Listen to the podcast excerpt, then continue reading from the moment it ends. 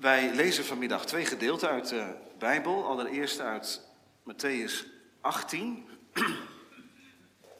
Matthäus 18. De gelijkenis van de onbarmhartige knecht. Matthäus 18, vers 21.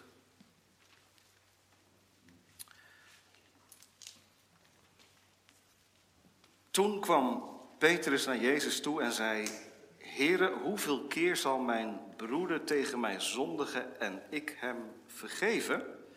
Tot zevenmaal toe. Jezus zei tegen hem: Ik zeg u niet tot zevenmaal, maar tot zeventigmaal zevenmaal. Daarom kan het koninkrijk der hemelen vergeleken worden met een zeker koning die afrekening wilde houden met zijn slaven. Toen hij begon af te rekenen, werd er iemand bij hem gebracht die hem 10.000 talenten schuldig was. En toen hij niet kon betalen, gaf zijn heer opdracht dat men hem zou verkopen en zijn vrouw en kinderen en alles wat hij had. En dat de schuld betaald moest worden. De slaaf dan knielde voor hem neer en zei: Heer, heb geduld met mij en ik zal u alles betalen. En de heer van deze slaaf was innerlijk met ontferming bewogen, liet hem gaan en schold hem de schuld kwijt. Maar deze slaaf ging naar buiten en trof een van zijn medeslaven aan, die hem honderd penningen schuldig was. Hij pakte hem beet, greep hem bij de keel en zei: Betaal mij wat u schuldig bent. Zijn medeslaaf dan liet zich voor hem neervallen en smeekte hem: Heb geduld met mij en ik zal u alles betalen. Hij wilde echter niet, maar ging heen en wierp hem in de gevangenis, totdat hij de schuld betaald zou hebben. Toen zijn medeslaven zagen wat er gebeurd was, werden zij erg bedroefd. Ze gingen naar hun heer en vertelden hem alles wat er gebeurd was. Toen riep zijn heer hem bij zich en zei tegen hem: Slechte slaaf, al die schuld heb ik u kwijtgescholden, omdat u mij dat smeekte. Had ook u geen medelijden moeten hebben met uw medeslaaf, zoals ik ook medelijden met u had? En zijn heer, boos als hij was, gaf hem aan de pijnigers over, totdat hij alles wat hem schuldig was betaald zou hebben. Zo zal ook mijn hemelse vader met u doen, als niet ieder van u van harte de misdaden van zijn broeder vergeeft. Tot zover de eerste schriftlezing. De tweede is een korte uit het evangelie naar Lucas. Lucas 17, vers 3 en 4. Dat gaat over de praktijk van vergeven. Hoe, hoe gaat dat nou in zijn werk?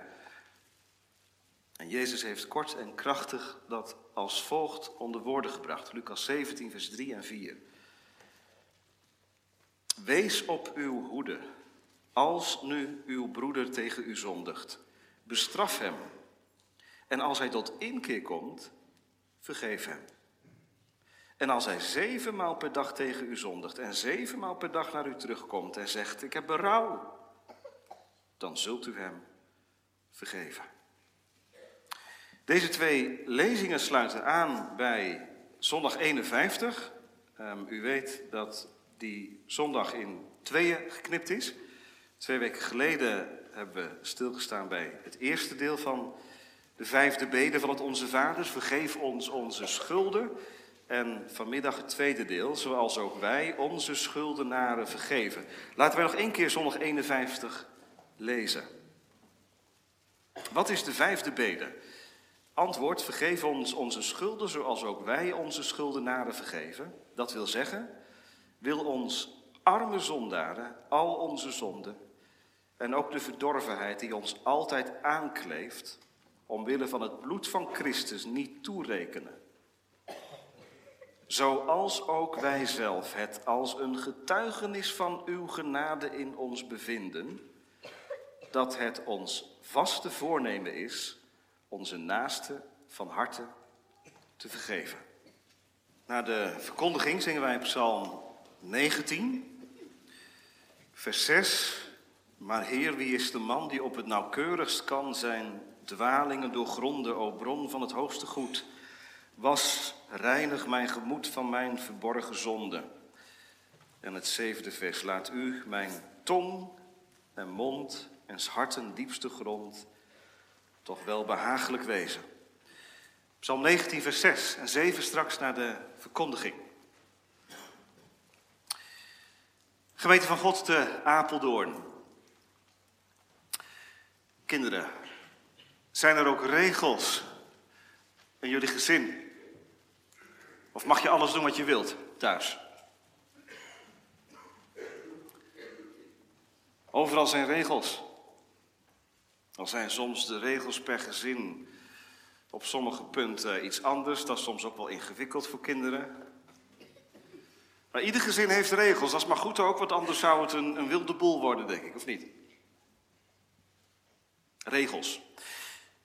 Zo lang achter het scherm, zo laat thuis, zo aan tafel zitten en niet anders. Nou, ga zo maar door. Regels, maar ook omgangsregels. Hoe ga je met elkaar om als je een broertje of een zusje hebt, of meerdere broertjes en zusjes? Die zitten in één ruimte met elkaar. Dat uur voor het eten, hoe ga je dan met elkaar om? Mag je dan alles doen met elkaar wat je wilt? Nee, natuurlijk niet. Er gaat nog wel eens wat mis, hè, tussen broertjes en zusjes. En broertjes en broertjes en zusjes en zusjes. Ja, dat gebeurt in ieder gezin. Maar ik denk dat in alle gezinnen dat vaders en moeders het altijd belangrijk vinden dat hun kinderen vriendelijk zijn. Vriendelijk zijn. Niet vriendelijk doen, maar vriendelijk zijn. dat kost eigenlijk niks, vriendelijk zijn. En het geeft heel veel licht en blijdschap in een gezin. Als je een beetje vriendelijk bent richting elkaar. En dat is ook heel bijbels, want het woord vriendelijk, dat komt uit de Bijbel. Dat is een beetje een inleiding op waar ik naartoe wil. Want zoals kinderen in een gezin grootgebracht worden, is de gemeente het gezin van God. Eigenlijk is dit een groot gezin. Allemaal broertjes en zusjes die aan elkaar gegeven zijn. En die het met elkaar mogen, moeten uithouden. En dan is één regel ontzettend belangrijk volgens de schrift. Paulus hamert daarop in zijn brieven aan de Nieuw-Testamentische gemeenten. Wees vriendelijk. Ik zal u één tekst voorlezen als een soort introductie op het thema. Dat is Efeze 4, vers 32. Waar staat, laat ik bij vers 31 beginnen. Laat alle bitterheid, woede, toorn, geschreeuw en laster van u weggenomen worden. Met alle slechtheid. En dan komt het. Maar wees ten opzichte van elkaar vriendelijk. En barmhartig. En dan komt het. En vergeef elkaar, zoals ook God in Christus u vergeven heeft. En let erop dat Paulus het vergeven van elkaar koppelt, verbindt aan het vergeven van God. Hij zegt, zoals God in Christus u vergeven heeft, vergeef zo elkaar. Laat het er zo aan toegaan in het gezin van God de christelijke gemeente. U kunt dat niet zien, maar in het Grieks staat voor het woordje um, zoals, het woordje kathos, dat mag u vergeten, maar wat ik, wat, ik, wat ik benadrukken wil is dat het twee dingen kan betekenen. Vergeef elkaar omdat ook God u in Christus vergeven heeft en vergeef elkaar Zoals. Zo heeft de sta herziende Statenvertaling het vertaald. Dus het kan twee dingen betekenen. Vergeef elkaar omdat God u vergeven heeft. Dat is de basis. Vergeef elkaar zoals God in Christus u vergeven heeft. Omdat en zoals. En dat is eigenlijk het geraamte van de preek vanmiddag. Als we stilstaan bij het thema van harte vergeven van harte vergeven. Waarom? Waarom? Omdat God vergeeft. En ik hoop natuurlijk dat u zegt en dat jij zegt, omdat God mij vergeven heeft. Waarom? Omdat God vergeeft. En in de tweede plaats, hoe dan? Hoe? Zoals God vergeeft. Allereerst, waarom? Omdat God vergeeft. En om het wat aansprekender te maken, wat dichterbij te brengen, beginnen we bij die gelijkenis die we samen gelezen hebben. Dus neem die er maar bij als u uw Bijbel bij u hebt, Matthäus 18 vanaf vers 21. Want daar komt heel mooi naar voren hoe dat nou functioneert, het thema vergeving. Petrus komt naar Jezus toe, vers 21, en zegt: Heere, hoe vaak moet ik iemand vergeven? Hoe vaak? Zou Petrus een concreet persoon in gedachten hebben gehad? Mogelijk. Hij heeft het over een broeder. Dus het gaat niet over een wildvreemde, het gaat over een verwant. Vul maar even in. Je broer met wie je in de klins ligt. Um, een ander familielid. Een collega. Een gemeentelid. Een naaste verwant. Iemand met wie je op een of andere manier een verbintenis hebt. Een verbinding hebt. Hoe vaak moet ik hem vergeven als hij mij iets aandoet? Als hij tegen mij zondigt? Als hij mij verwijten maakt? Als hij mij beschuldigt van iets? Als hij mij beschadigt? Nou, zeven keer? Dat is veel, hè? Tot zevenmaal toe? Dat is geen willekeurig getal. Zeven keer, dat is een een volmaakt getal, dat is een vol getal. Petrus zet echt heel hoog in. Zeven keer je broertje vergeven. Als hij iets tegen je zegt wat verkeerd aankomt. Lukt dat? Lukt dat? Zeven keer? Lukt dat één keer? Met moeite. Twee keer? Drie keer? Zeven keer? De rabbijnen hadden in de tijd van de Heer Jezus ook een uitleg over vergeven en die ging tot drie. Dat was een beetje de morele regel van toen. Drie keer, dat was al het maximum. Als iemand iets tegen je deed, iets je aandeed, kon je een keer vergeven, nog een keer, nog een keer en dan was het wel klaar. Dan houd het op. Petrus gaat hoger. Zeven. En wat zegt Jezus?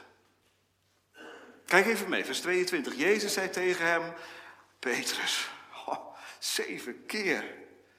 Dat is royaal. Man,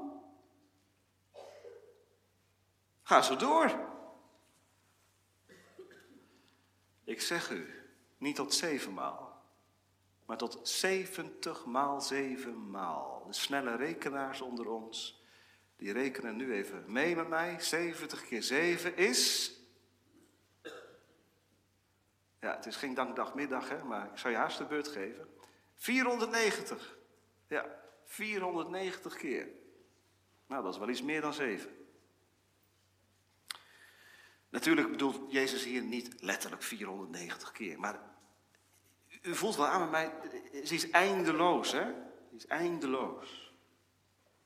En er zit nog iets in, er is een trigger in. Voor de mensen die bijbelvast zijn onder ons, die worden misschien herinnerd aan Genesis 4.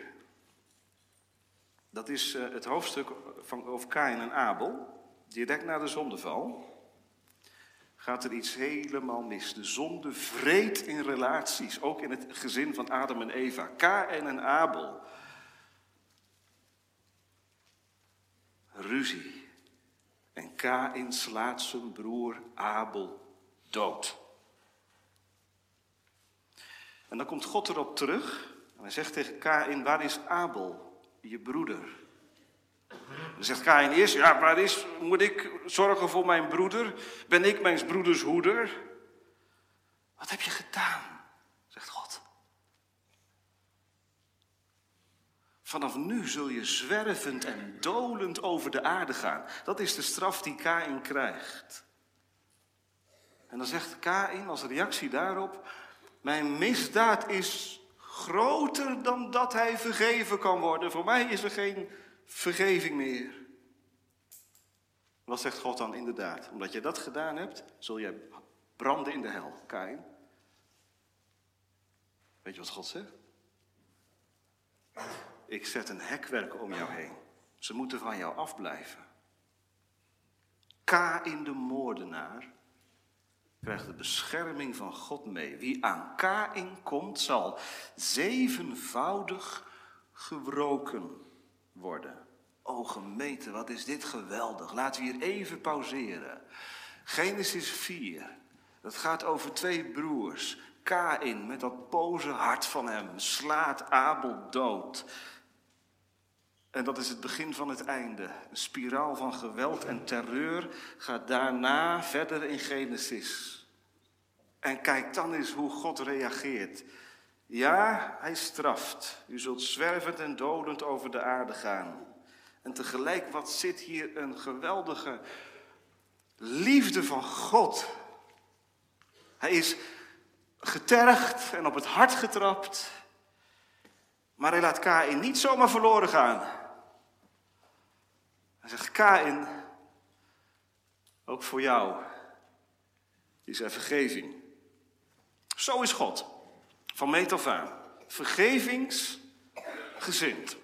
En dan gaat de geschiedenis verder en dan kom ik waar ik wezen wil. De geschiedenis gaat verder, hoofdstuk 4. Keten van geweld, ruzie. En dan is er een hoogtepunt in hoofdstuk 4 met Lamech. Lamech. Dat is die man, die geweldige braller, die schreeuwer. Die zei, ho, ik dode man. Iemand heeft mij wat aangedaan. Ik heb een keer ruzie gehad. Ik had een flinke jaap in mijn arm, maar ik heb hem gedood. Ik doodde een man om mijn wond. En ik heb ook een jongen gedood en een jongen om mijn striem. Dat roept Lamech. En dan zegt hij iets achteraan. Want Kain wordt zevenvoudig gewroken, maar Lamech ik zeventigmaal zevenmaal. Wie aan mij komt, die zal ik wreken. Op zo'n manier. Zeven maal zeventig. Nou, de terreur van Hamas in het hart van Lamech. Ik zal iedereen krijgen die voor mijn voeten loopt. De haat van Lamech. Zeven maal zeventig. En dan Jezus, Matthäus 18. Zeven maal zeventig. Vergeving, vergevingsgezindheid. Ziet u het contrast? Hebt u het scherp?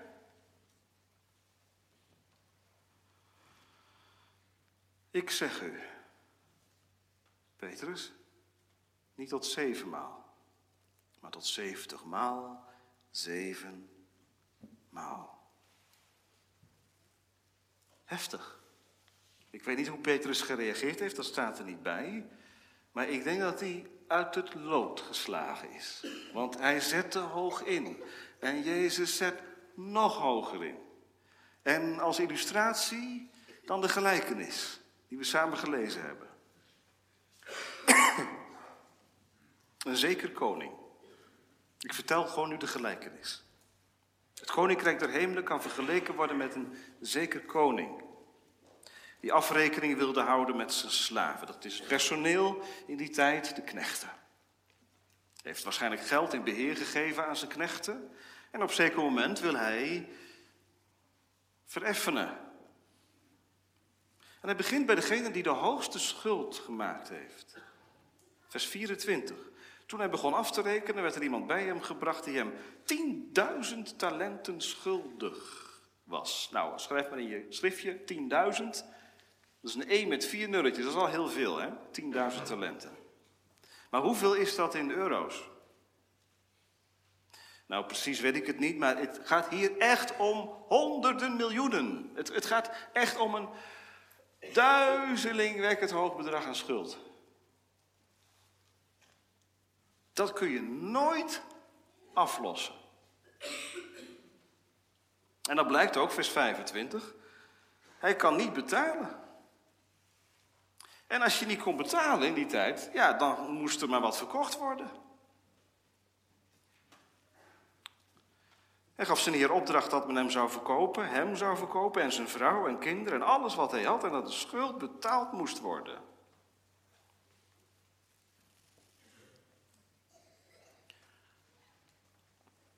Wat een schrik. Een schuld hebben en hem nooit kunnen aflossen. Wat is dan de reactie van die knecht? Lees mee, vers 26. De slaaf dan knielde voor hem neer. Hij buigt zich voor hem neer, hij maakt zich klein. En hij zegt, o Heer, heb geduld met mij en ik zal u alles betalen. Alsjeblieft, genade. Ik zal u alles betalen. Ja, dat lukt toch nooit. Maar hij zegt het waarschijnlijk in zijn emotie. Heb geduld met mij. En wat is dan de reactie van de Heer? En de Heer van deze slaaf. Dat is mooi, dat is een hele mooie trek van deze gelijkenis. Er staat dan niet dat hij met innerlijke ontferming bewogen wordt. Hij was, hij is met innerlijke ontferming bewogen. Dit is een bewogen Heer, een goed Heer. Hij was met innerlijke ontferming bewogen. Hij liet hem gaan. En hij scheldt de schuld kwijt. Ik kom er niet meer op terug. Je hoeft het niet meer te betalen. Nou, dit is in de wereld niet mogelijk. Dit is ongehoord dat je zo'n groot bedrag kwijtscheldt. En dan gaat de gelijkenis verder. Maar deze slaaf ging naar buiten. Hij is dus bevrijd. Wat een opluchting. Je hoeft niks te betalen. Hij gaat naar buiten toe en dan... Oh, dan ziet hij een collega van hem lopen. Oh, wacht even, die is nog een paar... Ja, dat is waar ook. Die moet nog een paar tientjes betalen. En hij loopt naar die collega toe. En hij grijpt hem bij zijn jas en hij zegt: Hé, hey, vriend, jij moet nog 40 euro betalen. Betaal mij wat u schuldig bent en wel meteen. Wat gebeurt er dan? Ja, dan gebeurt precies hetzelfde als wat hij gedaan heeft bij die heer. Die collega van hem laat zich ook voor hem neervallen. En hij smeekt hem, heb geduld met mij. En ik zal u alles betalen. Ik heb het nu niet, maar ik zal het betalen. Nou, wat denken jullie kinderen? Zou deze man ook iets geduld kunnen opbrengen? En tegen hem zeggen, nou vooruit, je bent wat schuldig, maar als je het volgende week dan betaalt, is het ook goed. Vers 30. Hij wilde niet, maar ging heen en wierp hem in de gevangenis, totdat hij de schuld betaald zou hebben. Niet te geloven genade ontvangen en geen genade aan een ander willen geven. Niet te geloven. Leven van de kwijtgescholden schuld van de Heer en een ander niet kunnen vergeven. Niet te geloven, maar het is wel het punt wat Jezus maakt. Dit gebeurt wel. Vers 31, andere collega's zien het. Maar ze worden erg bedroefd, het raakt hen. Ze hebben het hele tafereel geslagen.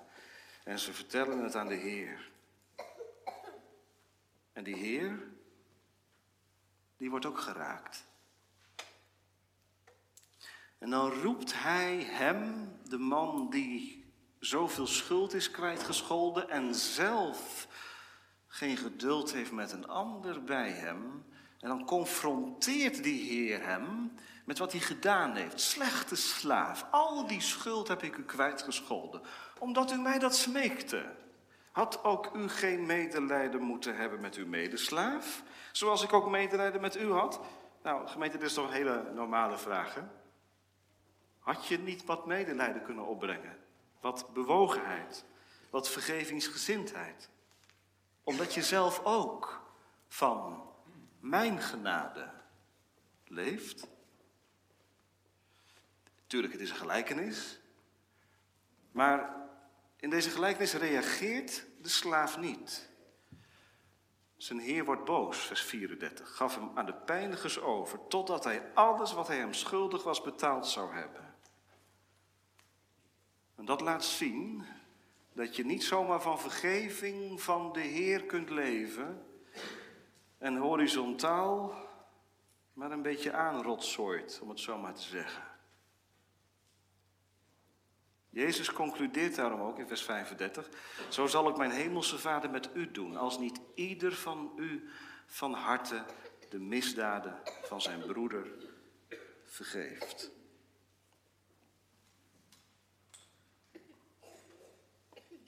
Het laat zien, gemeente, dat de Heer geraakt is hè, door het gedrag van die, van die slaaf, van, de, van, van het personeelslid van hem. En daarom deze straf. De gevangenis in, de pijnigers, totdat je betaald zult hebben. Het is hetzelfde, kinderen. Of het lijkt er een beetje op, hè? als je vader jou vergeeft. Je hebt je vader in een boos moment iets gezegd, een, een, een naar woord kwam er uit je mond, richting je vader of richting je moeder. Je schrok er zelf van, maar het was wel, het was er wel uit. En je vader zegt tegen je, later, dit kan niet. En jij zegt, sorry pap, dat had ik niet moeten zeggen. Het is verkeerd van mij. En je vader zegt tegen je, joh, het is vergeven. Het is goed zo. En vervolgens loop je naar beneden. En je zegt tegen je zusje, hé, hey, uh, volgens mij moet jij mij nog iets teruggeven, hè? En dat wil ik nu meteen hebben. Nu. Snap je dan dat je vader kan denken, hé, hey, maar hoe zit dat nou? Ik heb net gehoord, sorry. Ik zeg tegen mijn kind, ik heb je vergeven. En nu ga je toch op zo'n harde, bittere manier met je zusje om. Hoe kan dat nou? Gemeente, laten we deze gelijkenis toepassen op onszelf. De Heer is de Vader in de hemel. En het personeel, dat zijn wij. We hebben schuld. Ik heb daar de vorige preek uitvoerig bij stilgestaan. Hè? Vergeef ons onze schulden. Wij hebben schuld. En wij kunnen die schuld niet voldoen. Die is astronomisch hoog.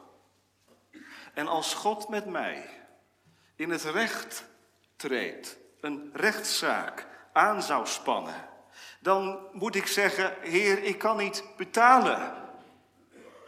Mijn schuld is te groot. Ik, ik kan het niet aflossen. Ja, maar schuld betekent straf. Maar hoe moet het dan? Als God mij ter verantwoording roept, heb ik niets. Heb je dat eerlijk gezegd tegen hem? Dat is wel nodig hoor. Wil je leven van vergeving? Wil je leven van deze vergeving? Dan hoort daar ook bij dat je erkent dat je schuldig bent. Want wie dat niet beleidt, zal het geheim van vergeving niet proeven. Dat is geen voorwaarde. Want het maakt het evangelie, evangelie. Ik heb schuld. Oh God. Heb je dat gezegd tegen de Heer? Weet Hij het van je, dat je schuld hebt? De Heer in de gelijkenis heeft het hart van een liefdevolle vader. Want die knecht die hem te voet valt, die krijgt niet met de zweep ervan langs, maar die ontvangt genade. En dat is vandaag ook zo. Dat mag ik tegen je zeggen vanmiddag.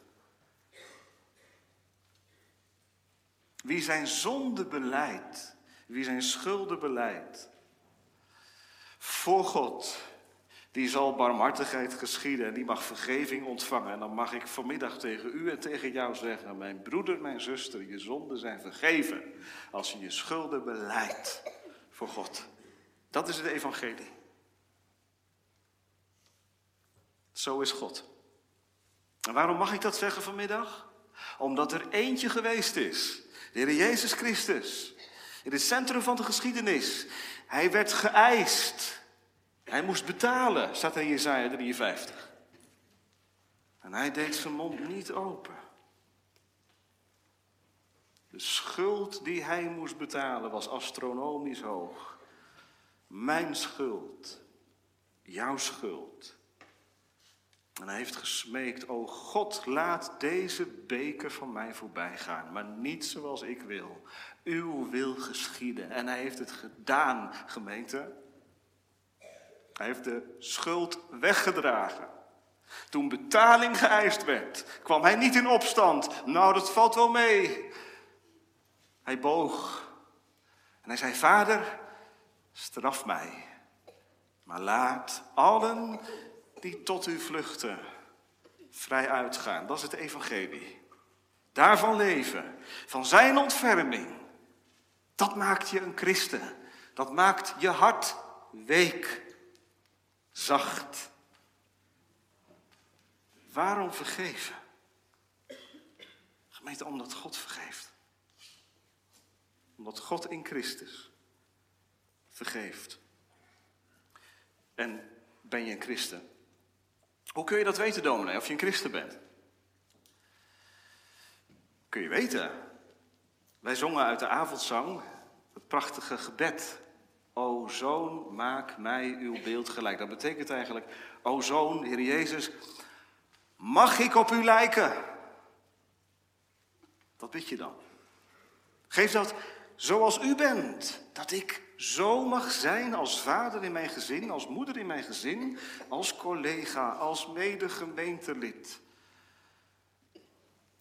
Dat iets van Christus in mij naar boven komt. Dat gaat wel tegen jezelf in. Hè? het is natuurlijk een heel mooi gebed. O zo, maak mij uw beeld gelijk. Maar je bidt eigenlijk keihard tegen jezelf in. Keihard! Je bidt eigenlijk, Heere God, geef dat ik, dat het oude van mij sterven zal. En dat dat nieuwe van u, die vergevingsgezindheid, zal bloeien. De catechismus, die zegt het ook heel mooi, dat het een, een kenmerk van genade is. De vergevingsgezindheid. Wij bevinden het als een getuigenis van uw genade in ons. Dat het ons vaste voornemen is onze naasten van harte te vergeven. Heel mooi, hè? Voornemen. Er is natuurlijk op dit punt ook veel mis. En er is veel gebrokenheid. Maar dit is er, een voornemen. Je wilt het. Dat is de nieuwe mens uit Christus. Efeze 4, waar ik de preek mee begon. Wees ten opzichte van elkaar vriendelijk en barmhartig. En vergeef elkaar, zoals ook God in Christus u vergeven heeft. Daarom maken wij er ook werk van in de opvoeding. laten wij de zonde niet de zonde. Maar wijzen wij in liefde, maar concreet, de zonde aan. Bij onze kinderen. Ja, soms zijn ze ook een spiegel voor onszelf, hè, ouders. Als zij in ons iets aantreffen wat niet goed is.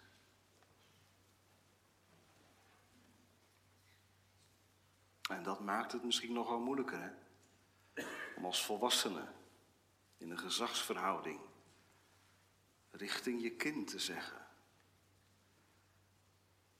Sorry. Maar wij bevinden het als een getuigenis van uw genade in ons. Dat het ons hartelijke voornemen is om elkaar, ook mijn kinderen dus, hè,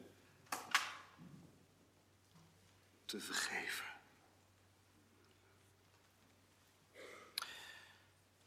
We komen bij het tweede punt van de preek. Hoe? Hoe vergeven? Zoals God vergeeft. Het hoort bij elkaar. Jezus verbindt het aan elkaar. Mijn hemelse Vader, vers 35, zal met u doen als niet ieder van u van harte de misdaden van zijn broeder vergeet. Het, klinkt haast voorwaardelijk, hè?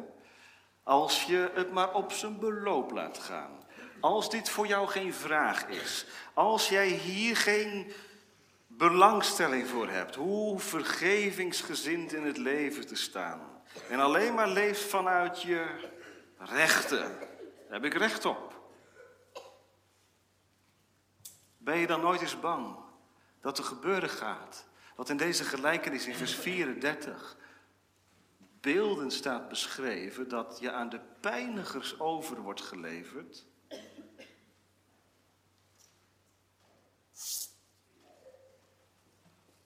Het hoort bij elkaar. Het is, het is een, een vorm van geestelijke groei.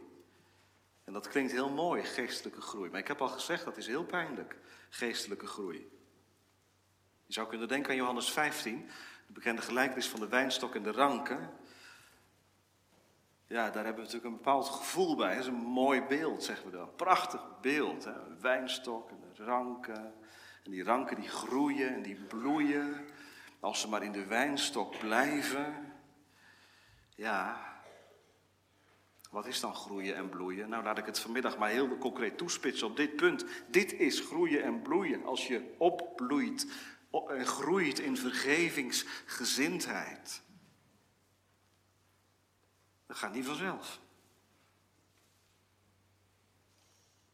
Daarvoor moet je blijven in zijn liefde. Want alleen maar als je vanuit die liefde denkt, o God, wat hebt u mij vergeven?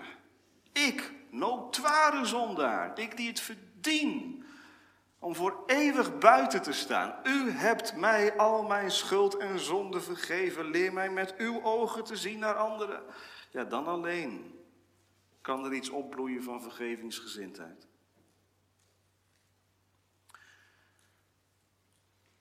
Wie leeft van zijn genade, die, die verticale lijn, zal ook in de horizontale relaties verlangen, laat ik het voorzichtig zeggen, verlangen om in vrede, in vergevingsgezindheid met alle mensen te leven. En wie het daarmee niet zo nauw neemt, die kan het eerst ook wel vergeten. Dat God jou vergeeft.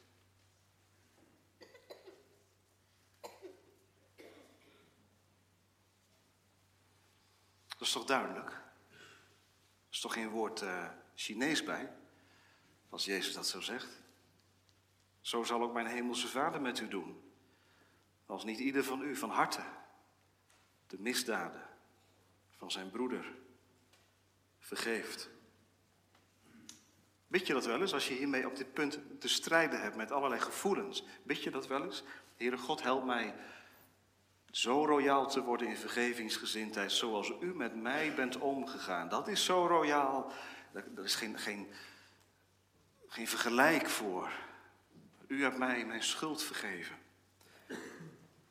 Laat mij zo mijn broeder, mijn zuster, mijn kind, mijn vader, mijn oom, mijn collega, mijn buurman tegemoet treden. Hoe dan? Nou, daarvoor lazen wij Lucas 17.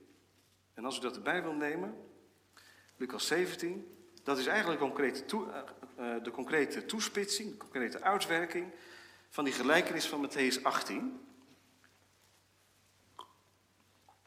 Wees op uw hoede, zegt Jezus daar.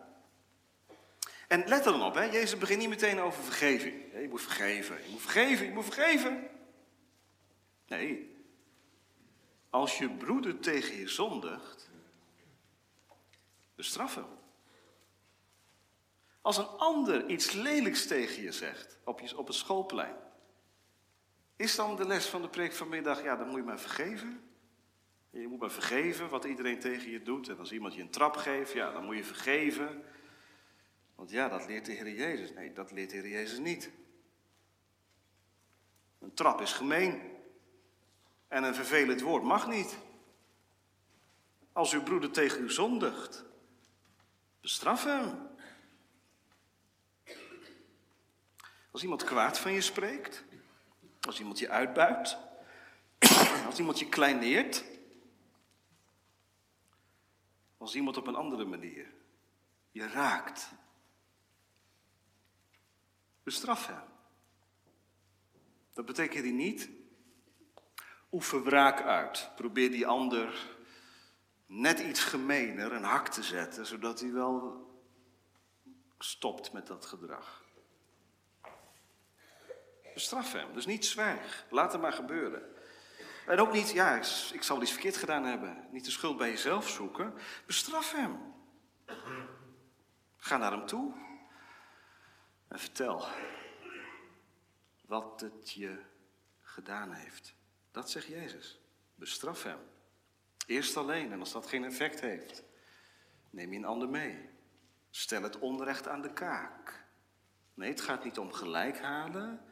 Het gaat erom om zonde zonde te laten zijn. Zoals ook God doet, hè? Het gaat in de tweede gedachte over hoe. God bestraft de zonde ook. God zegt ook niet, nou, ik heb vergeving en weet je, ja, ik weet ook wel dat mijn hele mensheid gezondigd heeft, maar ik heb vergeving in de aanbieding. Nee, zonde is zonde. En zonde moet beleden worden en concrete zonde moet concreet beleden worden. Zo gebruikt God zijn wet om ons te overtuigen van zonde. En dan? En als hij tot inkeer komt, dat is de bedoeling, hè? dat je iets, je beoogt iets. Je wilt dat je kind iets merkt. Als je je kind, vul je kind maar in als nu uw broeder, als je kind tegen je zondigt, bestraf hem. En als hij tot inkeer komt, dat beoog je. Je beoogt een stukje gebrokenheid, inzicht. Ja, mama, dit was niet goed. Dit is niet oké. Als hij tot inkeer komt, staat de vertaling heeft, als het hem leed is, daar zit iets in van verdriet. Het raakt je. Heb ik dit berokkend? Heb ik je zo geraakt? Vergeven. Royaal. Zoals de verloren zoon, die zijn vader van alles aangedaan heeft, op afstand nota bene. Maar dan wel, als kind van de vader. Hij komt terug. Hij is tot één keer gekomen. En dan gaat zijn vader niet nog eens een keer het lijstje voor, de, voor zijn gezicht uh, houden. Om nog eens eventjes de grond in te duwen.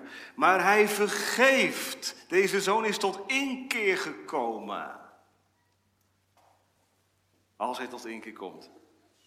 Vergeef hem. En vergeven is, je verlangt dat er een nieuwe start komt.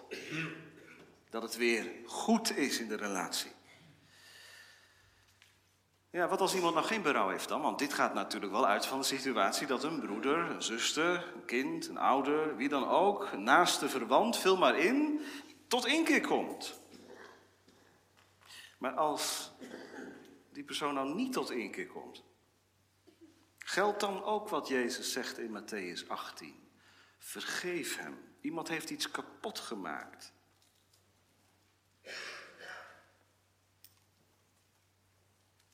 Iemand heeft je kind aangereden een dronken bui. Je bent slachtoffer geworden van het gedrag van een opa, van de handen van een vader. Hoe kun je vergeven als er geen schuldbeleidenis is? Dat kan toch niet? Ik weet dat het wel gebeurt. Ik denk aan Corrie ten Boom. Ik denk aan nabestaanden van de razzia in Putten. Die hun, die de daders van het leed vergeven hebben. Maar dat deden ze niet omdat er schuldbeleidenis aan vooraf ging, maar om zelf in het reine te komen met die gevoelens van boosheid. Moet je ten alle tijden vergeven? Nee, vergeven gaat niet zomaar. God vergeeft ook niet zomaar. En als er geen inkeer is aan de kant van de ander, van de schuldenaar, dan kun je twee dingen doen. Je kunt blijven wrokken en je wordt een wrak. Of En dat is de weg die David bijvoorbeeld gaat in de psalmen. Hij legt het in de handen van hem, die rechtvaardig oordeelt. Ik zou heel wat psalmen kunnen noemen waar het er zo aan toe gaat. Psalm 54, psalm 55. Vijanden heeft hij het over. En dan moet u niet denken aan Hamas-terroristen, maar dat zijn mensen uit zijn naaste omgeving. Mensen met wie hij zeer vertrouwd was. Met hun woorden, met hun blikken. Ze hebben als met messen hem in het lijf gestoken, zegt hij in Psalm 55. Hun blikken doden. Er is aan hun kant geen inzicht in zonde. Maar David wil niet dat het hem opeet van binnen. Hij geeft het over, hij laat het los. Hij legt het in de handen van de Heer. Alle vergeldingsdrang die je hebt in je. Al die gedachten, soms heel duister. O God, u weet het. Bewaar me voor mezelf. U komt de wraak toe. Ontferm u. Ik kwam in de voorbereiding de naam tegen van dominee Otto Funke. Iemand die in de Tweede Wereldoorlog leefde. En hij hield in het concentratiekamp een lijstje bij van zijn vijanden. En de mensen die hem vernederden. En dat gebeurde. En waarom deed hij dat? Hij deed dat om die namen in gedachtenis te houden en voor hen te bidden. Nou, ik weet niet wat er nu in u omgaat, maar toen ik dat las, dacht ik, zo.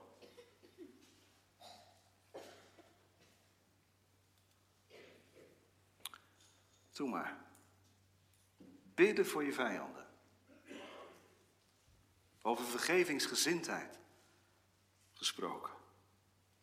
Maar het is wel genezend geweest in zijn leven. Genezend.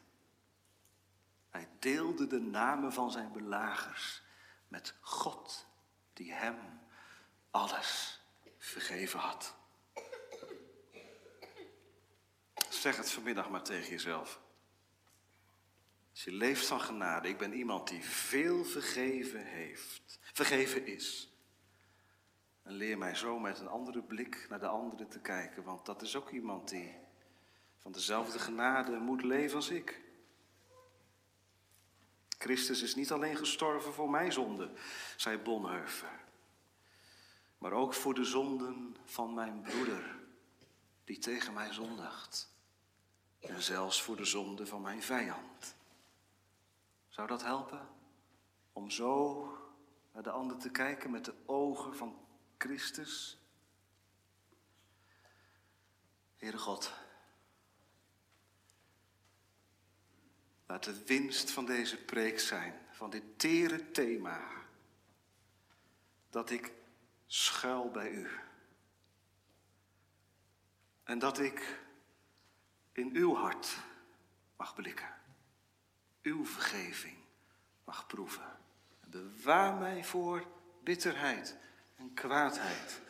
En maak mij een kleine Christus in deze wereld. Om vriendelijk en warmhartig te zijn. De ander te vergeven. Zoals ook God in Christus mij vergeven heeft. Laat u mijn tong en mijn mond en mijn binnenste. Laat dat u wel behagelijk wezen. Amen.